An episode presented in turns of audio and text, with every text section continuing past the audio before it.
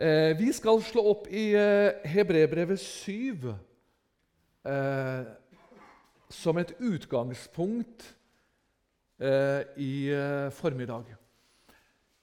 Siden jeg startet her fast i fjor, så har vi hatt forskjellige emner.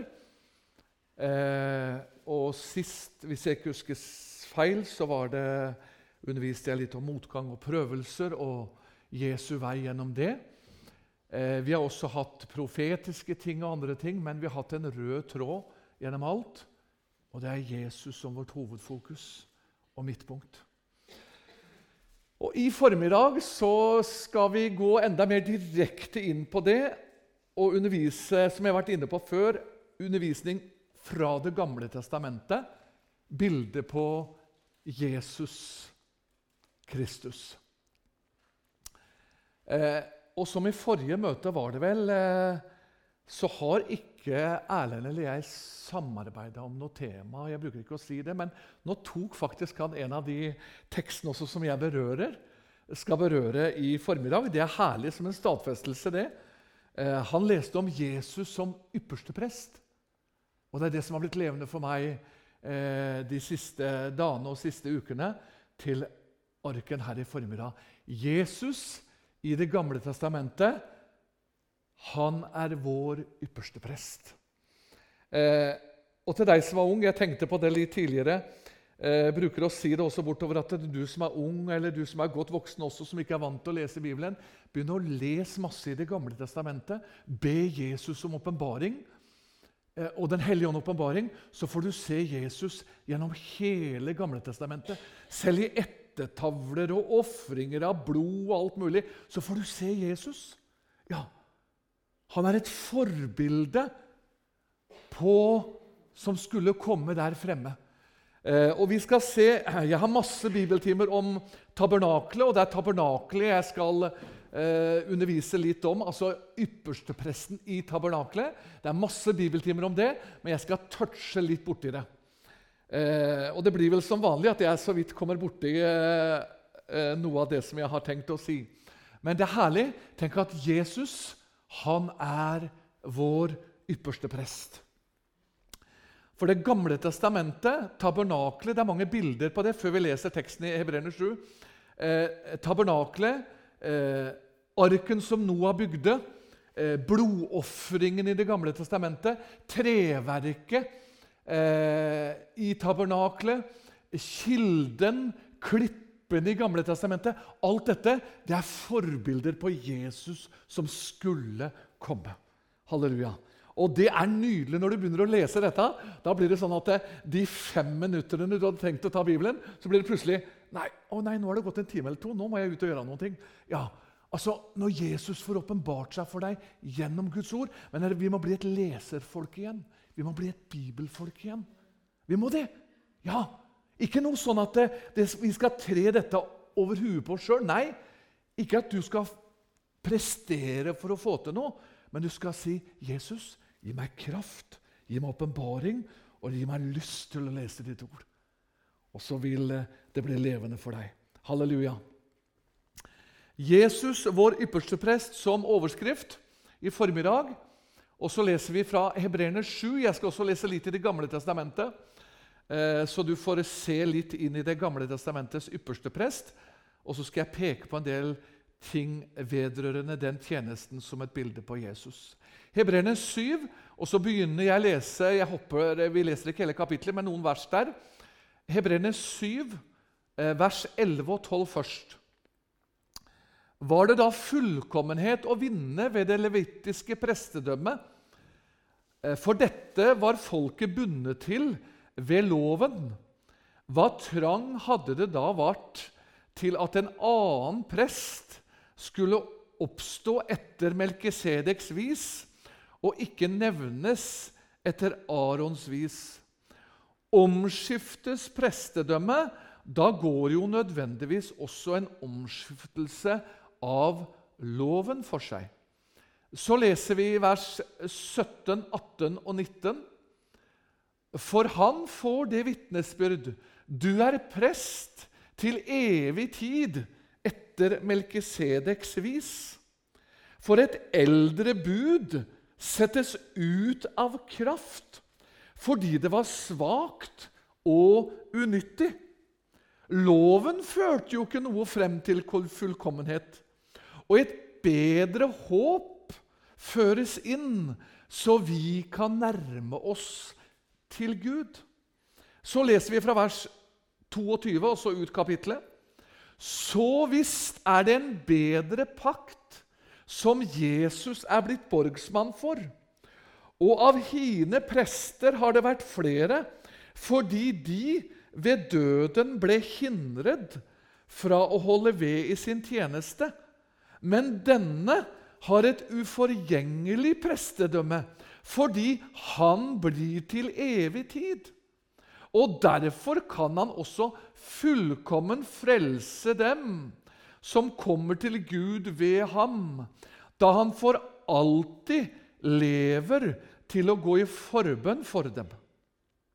Og hør For en sådan yppersteprest måtte vi ha.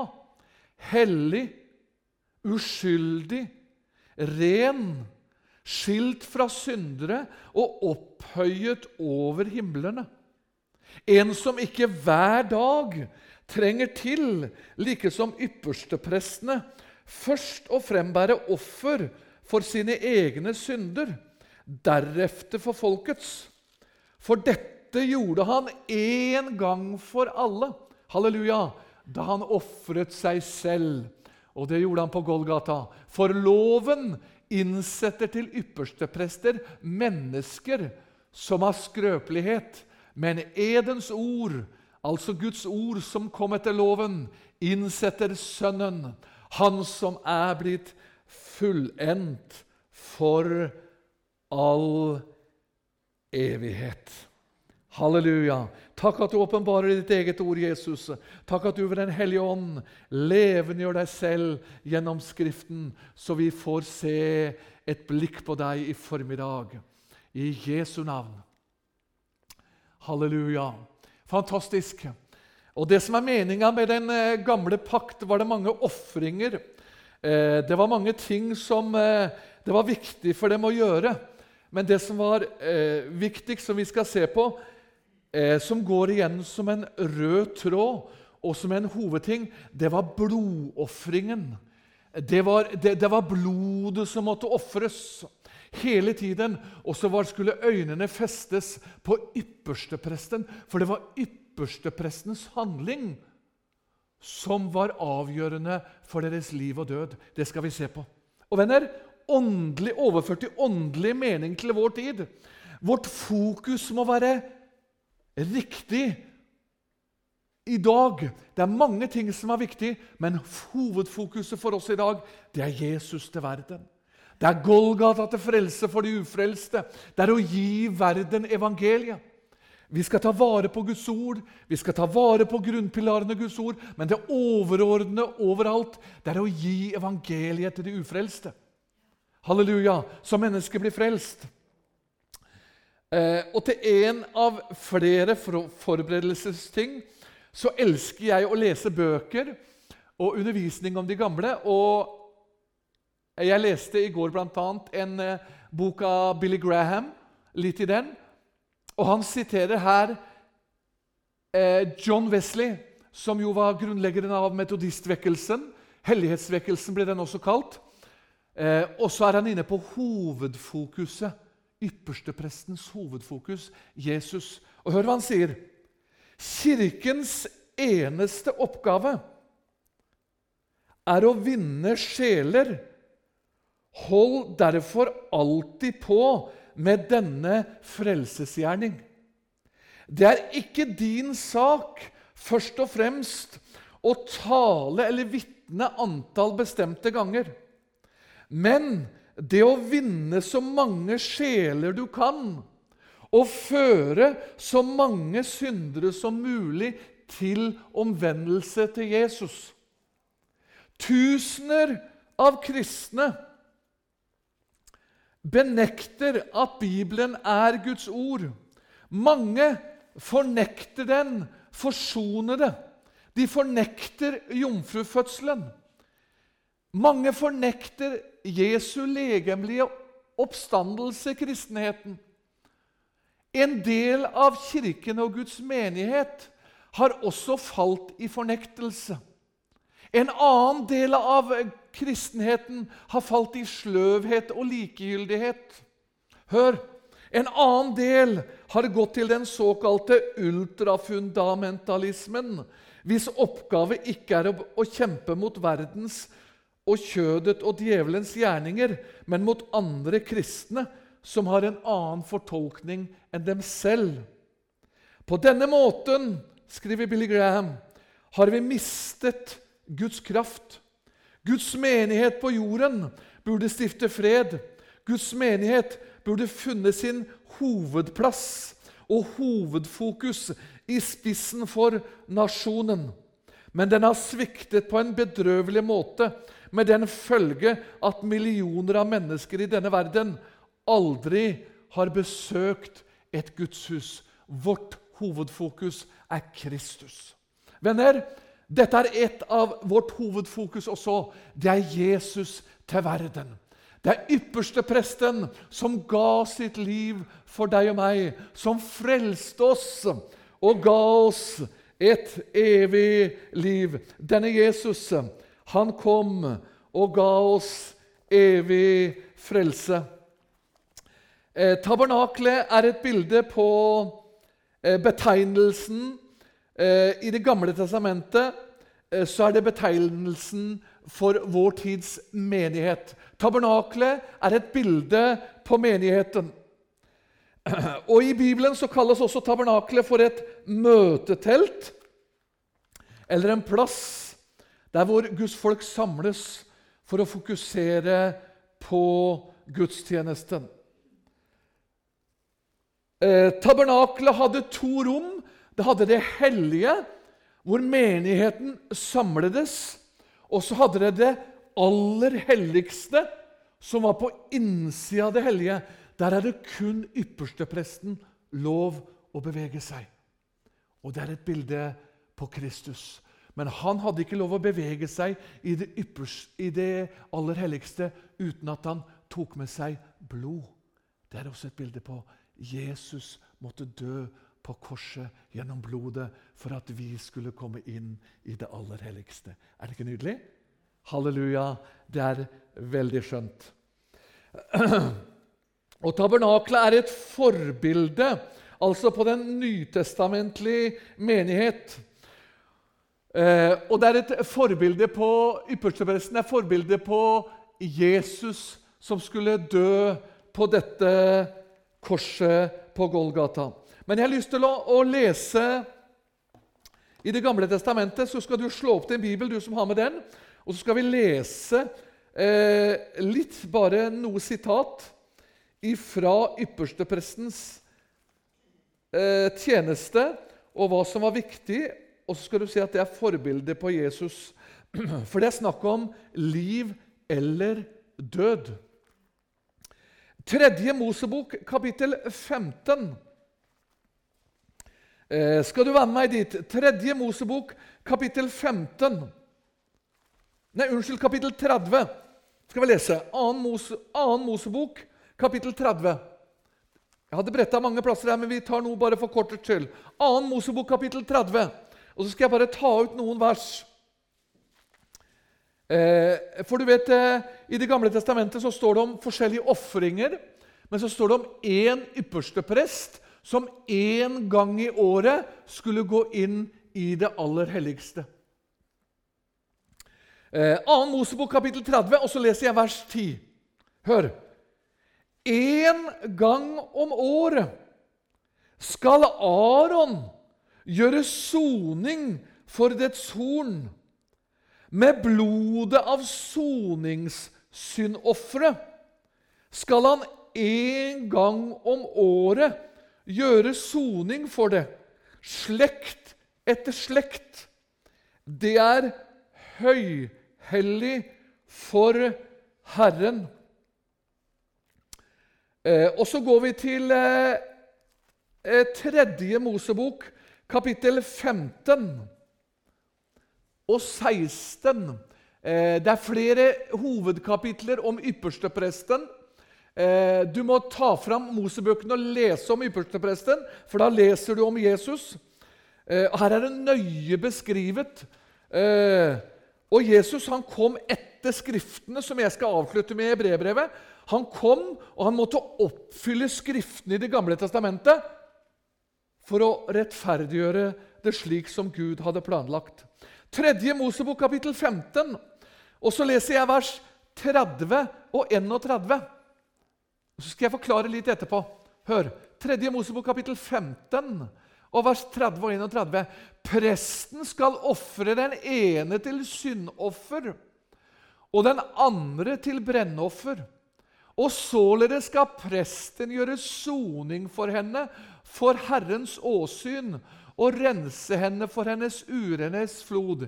Dere skal skille Israels barn med deres urenhet, for at de ikke skal dø i sin urenhet. Når de gjør mitt tabernakelt urent, det som står midt iblant dem. Og Så går jeg til kapittel 16 og vers 14 og 15. Og Her er en hovedlinje gjennom hele tabernaklet og Den gamle testamentets ofring. Eh, tredje Mosebok, kapittel 16, og vers 14 og 15. Hør nå. Så skal han ta noe av oksens blod og sprenge med sin finger på fremsiden av nådestolen. Og foran nådestolen skal han sprenge noe av blodet syv ganger med sin finger. Deretter skal han slakte den bukk som skal være syndoffer for folket, og bære dens blod innenfor forhenget. Han skal gjøre med dens blod like som han gjorde med oksens blod, og sprenge det på nådestolen foran nådestolen. Og så tar vi med vers 16 også. Således skal han gjøre soning for helligdommen og rense den for Israels barn urenhet og for alle deres overtredelser som de har forsyndet seg med, og like Likeså skal han gjøre med sammenkomstens telt, som er reist blant dem midt i deres urenhet. Amen. Vi kunne ha lest masse skriftsteder til i Det gamle testamentet, men på én formiddagsbibeltime så må vi bare ta sånne korte trekk. Vi skulle egentlig hatt mange bibeluker foran oss her nå. Men hør! Eh, for at de skulle få tilgivelse for sin synd, så måtte ypperstepresten én gang i året så måtte han ta med seg blod etter at han har ofret et dyr. Og så måtte han ta med seg det blodet inn i det aller helligste. For hør nå Hvis ikke ypperstepresten selv også kom med blod inn i det aller helligste, så måtte han dø, også han. Og det er et forbilde på Jesus. Jesus måtte dø på et kors. Og Derfor så synger vi en gammel sang. Jesus måtte til Golgata. Er du med? Vi takker Jesus for hans mirakler, for hans under, for hans tegn. Helbreder de syke, frelste mennesker Utslåtte fikk lov å oppleve, blinde fikk se, lamme fikk springe. Han hjalp masse mennesker. Alt det var vidunderlig og herlig. Men venner, det var ikke frelse i det. Jesus måtte til Golgata. Han måtte inn i det aller helligste. Er du med? Ja. Derfor skal vi se, når vi senere skal lese litt mer i Hebrebrevet så sier han, mens han er i himmelen, og Gud, helt fra evighet av, så lette han etter en som kunne gå ned og dø for denne verden og ofre seg selv for denne verden. Men han fant ingen. Men da sier Jesus selv Da går han frem for Faderen, og så sier han Herre, jeg er villig. Jeg er villig til å gå, for Jesus han er Jeg har noen bibeltimer om Jesus fra evighet av. Jesus er fra evighet av. Noen tror at Jesus, til og med mange gamle frelste, tror at når Jesus kom, så kom han da ble født i Betlehem. Nei, han er fra evighet av. Den treenige Gud er fra evighet av. Men han var i himmelen. Men så gjorde det Gud det sånn at når Sønnen kom fram for Faderen, så sa han For Gud fant ingen.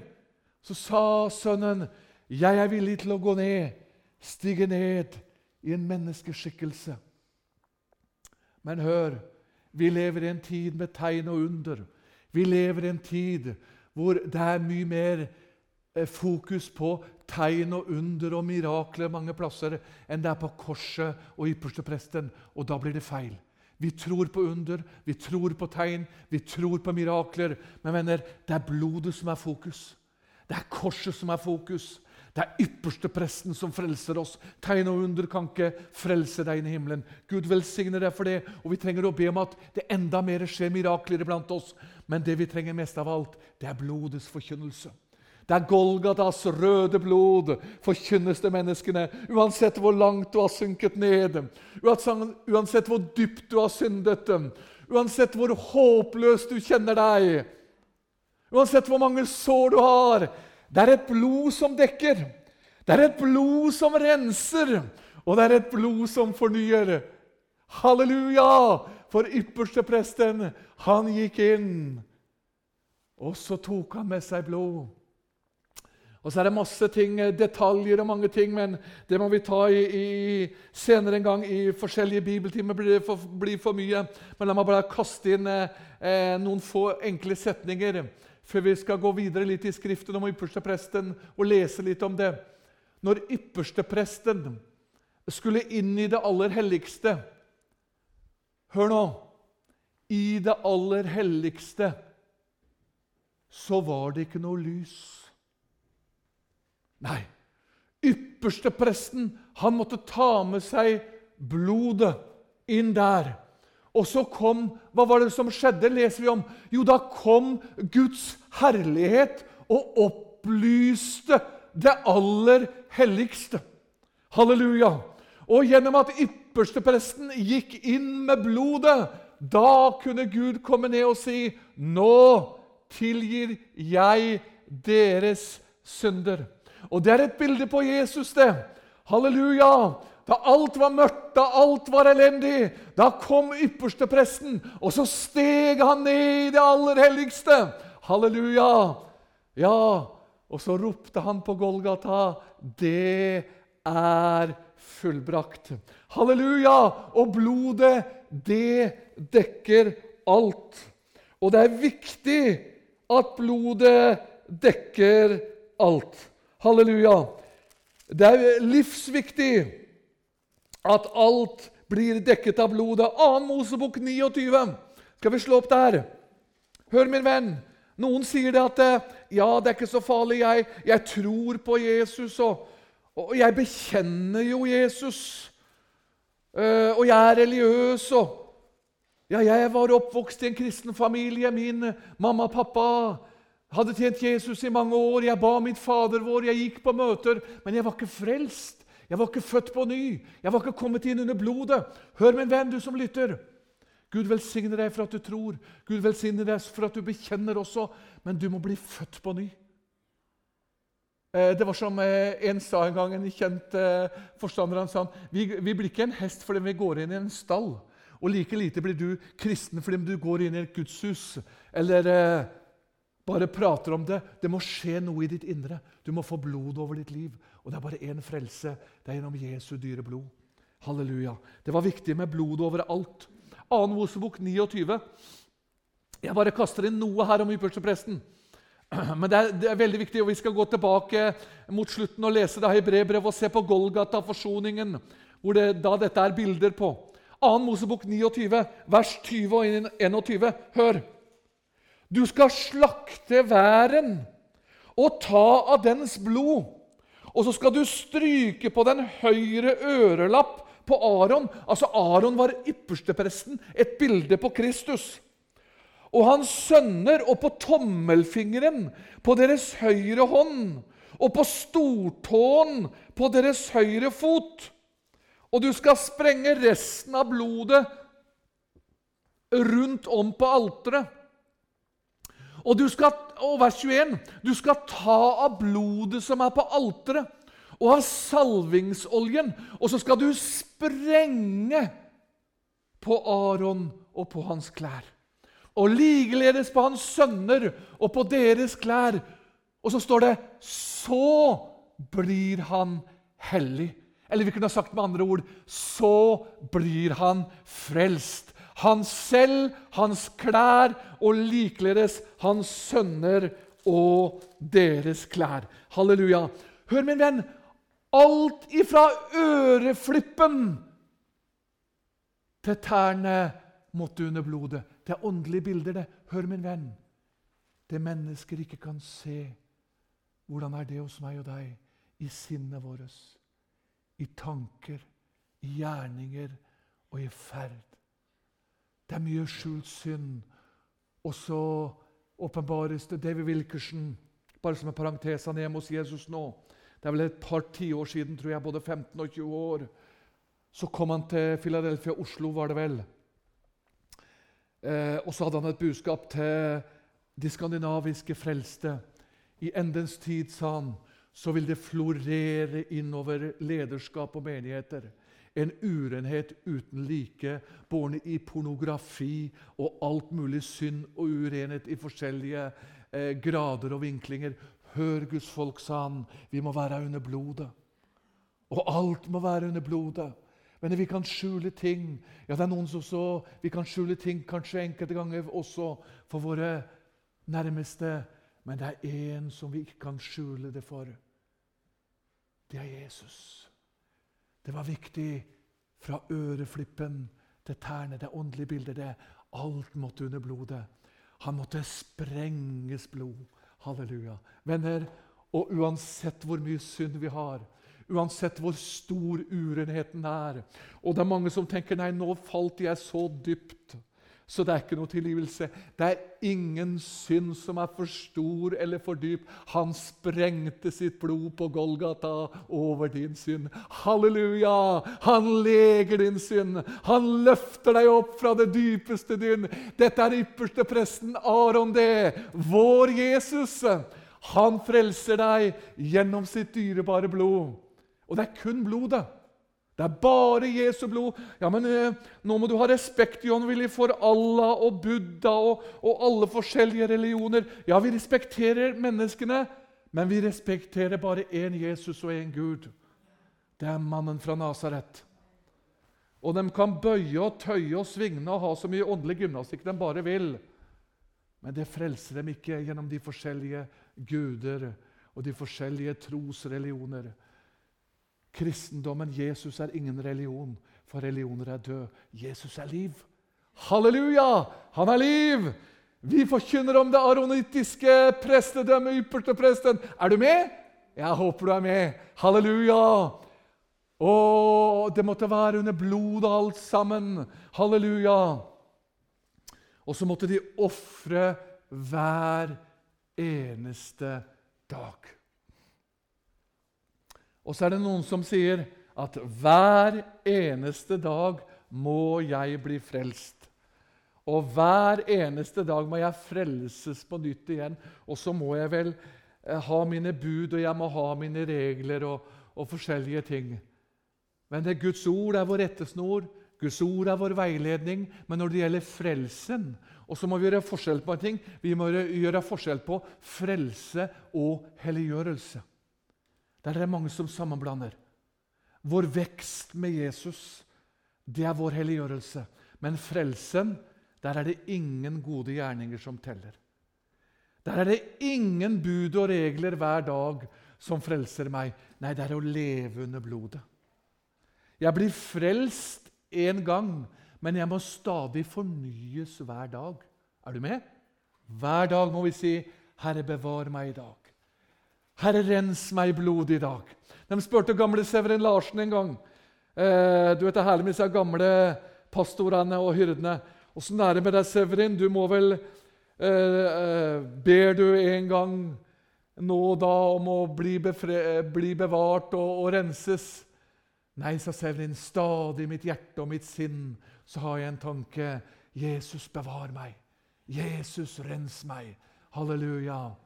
Venner, men det er ingen bud og regler, det er ingen krav. Men det er blodet som renser. Han sprengte blodet. Halleluja. Og så ble det renselse. Halleluja. Skal vi gå inn i, inn i det nydelige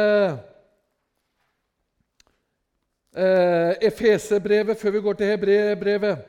Og så skal vi se der hva Jesus gjorde på korset, som jo er et bilde på denne ypperste prest.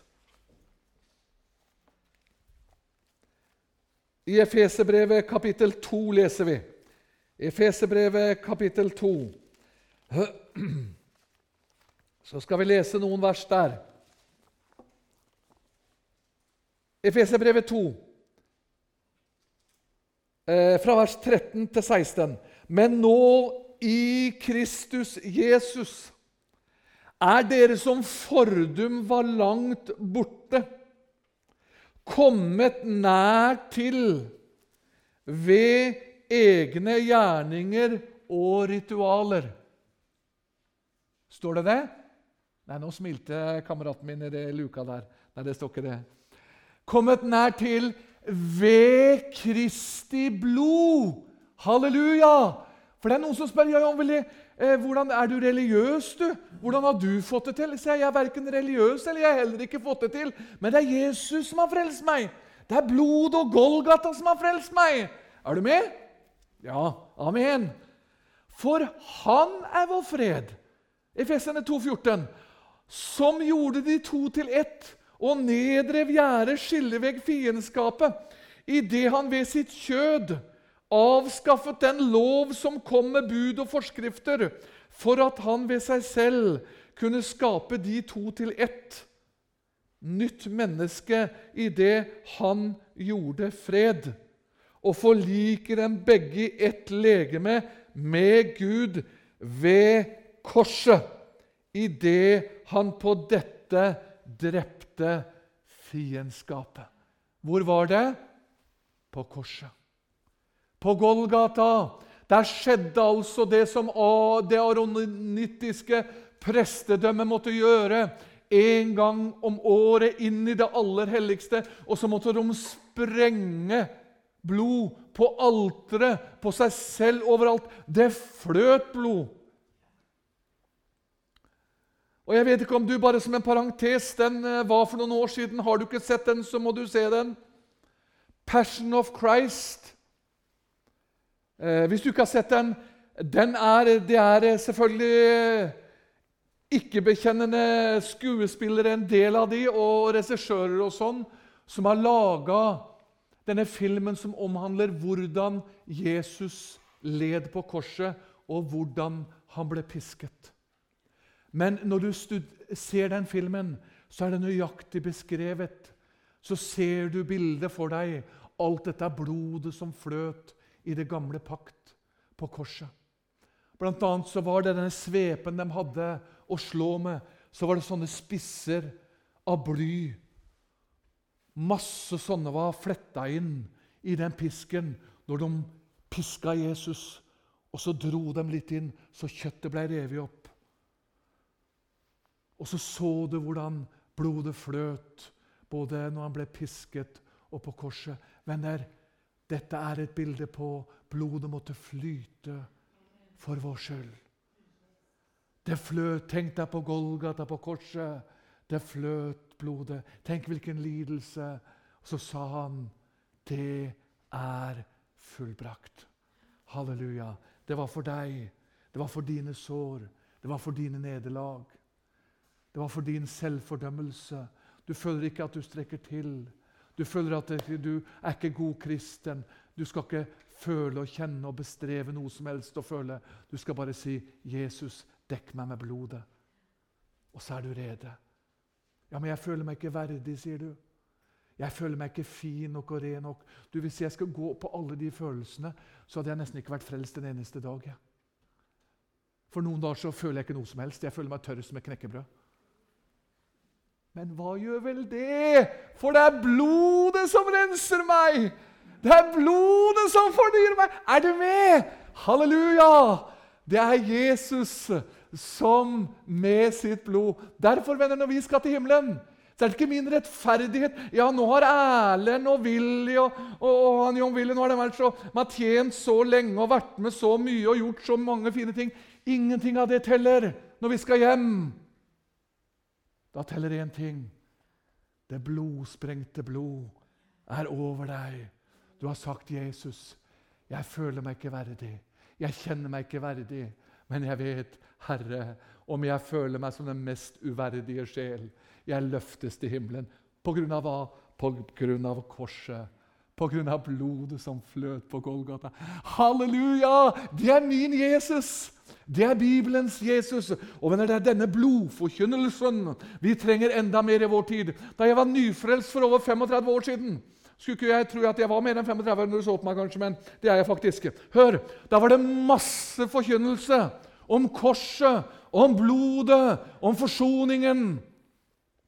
Og når du studerer vekkelsene, som var mange tilbake, både fra Barats tid og andre kjente vekkelser Mange sier at ja, vekkelsen på Barats tid for eksempel, det var jo pga. at han kom fra Amerika, og han ble døpt i ånden, og, og, det skjedde masse ting. Ja, Han underviste om det, men vet du hva hovedemnet Jeg elsker jo å lese om disse forskjellige veilederne. Vet du hva hovedemnet fra Barat var på den tiden? Det var blodet. Det var forsoningen. Det var Golgata. Halleluja! Og når du får se deg ren i Jesu blod på tross av alt hva du føler deg uverdig, du får se deg ren i blodet, så plutselig, så ved, uten at du aner det, så blir du fylt og døpt i Den hellige ånd og ild. Så kommer det nådegaver og fylde og kraft. Ikke pga. ting du presterer sjøl, men fordi du står dusjet under Jesu blod. Og nå kjenner jeg det er danseorkester fra himmelen i hjertet mitt. Halleluja! Det er ordentlig countrytrykk nå! Halleluja! Jesus, jeg er frelst! Jeg er rede! Jeg er på vei til himmelen på grunn av dette dyre blod som eh, det aronittiske prestedømmet i Det gamle testamentet var forløperen for Jesus. Tenk det! For vi, Nå kommer det masse ting, nå går klokka fort, så nå må jeg prøve å, å, å, å runde av. Jeg har ennå ikke begynt på egentlig teksten og notatene mine, men det får blåse i det. Men hør! Mange tenker på det. For du møter mange ufrelste. vet du. Så sent som i går så kom det en av de ufrelste naboene på døra. Han, han hadde sett jeg drev ute med noe traktor og ordna og rota litt med forskjellige ting som jeg elsker å gjøre. Og Så begynte han å prate. Det var bare hans og jeg prøvde å svare, så for en gangs skyld så var jeg nesten stille. da, det skal jo vanskelighet til, Men han prata, han delte hjertet sitt, og han spurte og han lurte. Men vet du hva hans inntrykk av de frelste var? De var så snevre. Det var så lovisk, det var så firkanta. Ja. Og så fikk jeg oppmuntring med at han ønska at det var flere sånne originale, rare folk som meg. For da gikk det an å gå på døra og prate med dem og være sammen med dem. Og, venner, vi må bli mer naturlige i det overnaturlige. For det frelse det er, ikke, det er ikke krav og bud, det er ikke lov, men det er glede, det er harmoni, og det er Jesus som frelser gjennom blodet. Halleluja. Det er det som er evangeliet. Så når du skal ut, så skal ikke du ta med deg en hel teologipakke og ta med deg liksom en, en bibelskole ut. Nei, du skal ta med hjertet ditt på din naturlige måte. Og når du får helt naturlige spørsmål om ting, så kan du si 'Jesus er min frelser'. Jesus har frelst meg. Jeg har vært inne på det før, men venner, Jesus-navnet må mer opp i vår tid. Gud velsigne oss for alle. Gud velsigne deg, og Gud er god, og han der oppå. Men nå må vi løfte fram Jesu-navnet. Det er kraft i navnet Jesus. Det er kraft i blodet. Det er kraft i Golgata. Her er vekkelsen, venner. Her er det kraft. Det er kraft, kraft så underbar i det dyre Jesu blod. Nå skal jeg prøve å lande, men det er ikke så lett når hopperne får luft i bakken. vet du, Da går de langt ut på sletta. Men nå skal jeg begynne å lande. Og så skal vi lese litt i Hebrebrevet 9. Og i Hebrebrevet 10 og avslutte litt. litt der. Venner, dette aronittiske prestedømmet som jeg bare har tatt helt små Bare gitt deg noen få småkorn i. Det er egentlig masse mer, det er flere brød. Men hør, dette, dette er et bilde på Jesus. Og hele veien fra de første blader i Mosebøkene, gjennom profetene, gjennom Samuelsbøkene og alt. Det er masse ofringer, det er masse lover, det er masse kriger. er mange ting. Men når du ber om gudsåpenbaring i det, så går det en rød tråd gjennom alt sammen. I alle bøkene og i mange av kapitlene. Hva er det? Det er Golgata. Det er forsoningen, det er Jesus, det er himmelen, det er herligheten. Det er han som skulle komme der framme. Halleluja. Hør med hvem som lytter. Det er liv eller død. Det er himmel eller helvete. Hva velger du? Ja, nå var du hard, sier du. Nei, jeg. Det er ikke mine ord, dette. Det er Jesu ord, det. Matteus 7. Det er en smal vei, det er en bred vei. Og så kan vi diskutere hvor mye ild det er der, og hvor mye om helvete, hvor mye det er i helvete og ikke helvete. Man, ja, det, det, er så mange rare diskusjoner.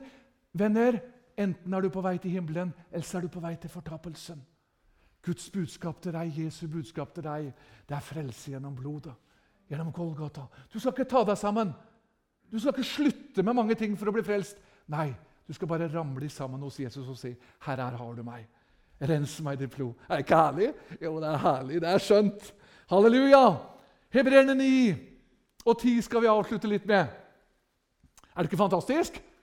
Ja, Unge søstre her framme hun smiler og er med hele tida. Det er fantastisk. Hebreerne 9, 11, hør. Hør nå. Men Du kjenner versene. Hebreerne 9, 11. Men da Kristus kom som ypperste prest Da er han foran i de kapitlene foran i brevbrevene. De leser du i kommende uke, så har du litt matpakke og litt å gjøre.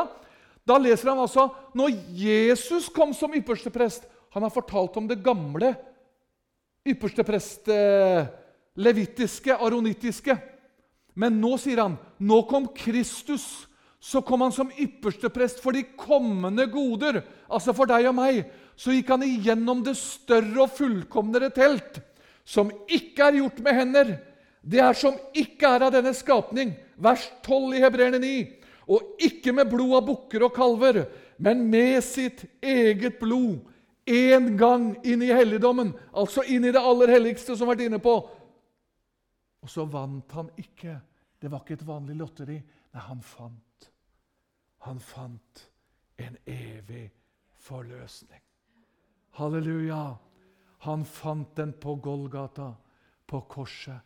Jesus fullbrakte ikke frelsen i dødsriket, som noen forkynner. Noen sier at Jesus ble JDS-læreren Jesus died spiritually. Eh, enkelt fortalt så ble Jesus tatt til fange på korset. Og så ble han tatt til fange av Satan og, og, og pint i dødsriket en to-tre dager. Og så ble frelsen fullbrakt. Det er løgn. Det er ikke evangeliet. Han gikk ned i dødsriket, men hva gjorde han der? Det var etter at han hadde ropt 'Det er fullbrakt'. Så i denne, sier Peter Vi har ikke tid til å lese det. I denne, altså i sin ånd, mens legemet henger på korset, så går han ned i dødsriket. Og så proklamerer han for Satan og alle djevlene her 'Jeg har seiret på Golgata.' Halleluja! Med mine hender og føtter og med mitt blod. Halleluja! Og så tok han med seg alle som var dødd i troen på Jesus. Og så for han til himmelen, som Efeserbrevet sier. Han som for opp, er den samme han som for ned. Og det som før var paradis i Det gamle testamentet, på andre siden elven i dødsriket, da opprettet han paradis i den tredje himmel. Da han forkynte for djevler og Satan. 'Jeg har seiret gjennom blodet på korset.' Han gikk ned i dødsriket som seiersherre, ikke som en, at han skulle bli pint, men han seiret på korset. Og så for han og oppretta paradis, og så la han ankeret frem, blodankeret, så sa han, 'Faderen, her er mitt blod. Nå kan du frelse. Nå er det fullbrakt.' Halleluja! Det er den Jesus vi har. Vers 13. Hebreerne 9. For så sant blodet av bukker og okser og asken av en kvige når den sprenges, det er det vi har vært inne på nå i det gamle pakt, på de urene, hellige til kjødets urenhet. Hvor meget mere skal da Kristi blod, Han som ved en evig ånd bar seg selv frem som et ulastelig offer for Gud, rense deres samvittighet fra døde gjerninger til å tjene den levende Gud. Og så er det masse vers nedover der. Jeg skal bare ta med vers 15 først. Derfor er han mellommann for en ny pakt. Venner, den gamle pakt var det aronittiske presteskapet. Her er det en nye pakt. Så når jeg snakker om den nye pakt, så er det den pakten Jesus gjorde. Det er han som er mellommann. Ikke paven og ikke noen annen søster eller bror som kan frelse og være medfrelse. Nei, det er én mann. Det er mannen fra Nasaret. Halleluja. Vers 24 hopper vi ned til. Ja, Her står det 'oversprengte'. Vi var inne på at blodet skulle sprenges. Der kom det som jeg mista i stad, men nå kom Den hellige ånd og ga meg det verset. Eh, 9.21. Hør. Men også teltet. Nå snakker han om det gamle pakt. Også teltet og alle gudstjenester redskaper oversprengte han i like med blod. Og nesten alt blir etter loven renset med blod. Og, og, så kommer det uten blod blir utgitt, skjer ikke forlatelse. Du må gjennom Jesus, du må gjennom korset, du må gjennom blodet. For Kristus, avslutter vi, vers 24, Hebreerne 9, gikk ikke inn i en helligdom som var gjort med hender, og bare var et bilde av den sanne, men han gikk inn i selve himmelen, for nå åpenbares for Guds åsyn for vår skyld. Og så står det i vers 28 Således skal også Kristus, etter å være ofret én gang for å borta mange synder, annen gang åpenbare seg til frelse for dem som venter på ham. Halleluja! Venter du på Jesus? Venter du på at han skal komme igjen? Halleluja! Jesus, vår ypperste preste, som Aron og det aronittiske prestedømmet var et forbilde på. Nå trenger vi ikke å finne noen sauer og kviger og kalver borte hos eh, fjøset til bonden. Nei da, han har ofret seg en gang for alle. Hør, min venn, du som er oppgitt, du som føler deg uverdig. Blodet dekker alt sammen. Jesus dekker det. Og så leste jo Erlend så nydelig i begynnelsen der, i neste kapittel 10. Der står det vers 19. I meg selv og i min egen kraft har jeg frimodighet. Nei, det er i Jesu blod jeg har frimodighet.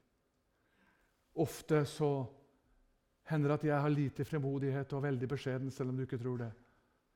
Men eh, det er blodet fra Jesus, kraften fra Jesus, som gjør oss frimodige. I Jesu blod, vår ypperste prest, han er vår frelse til evig tid. Amen.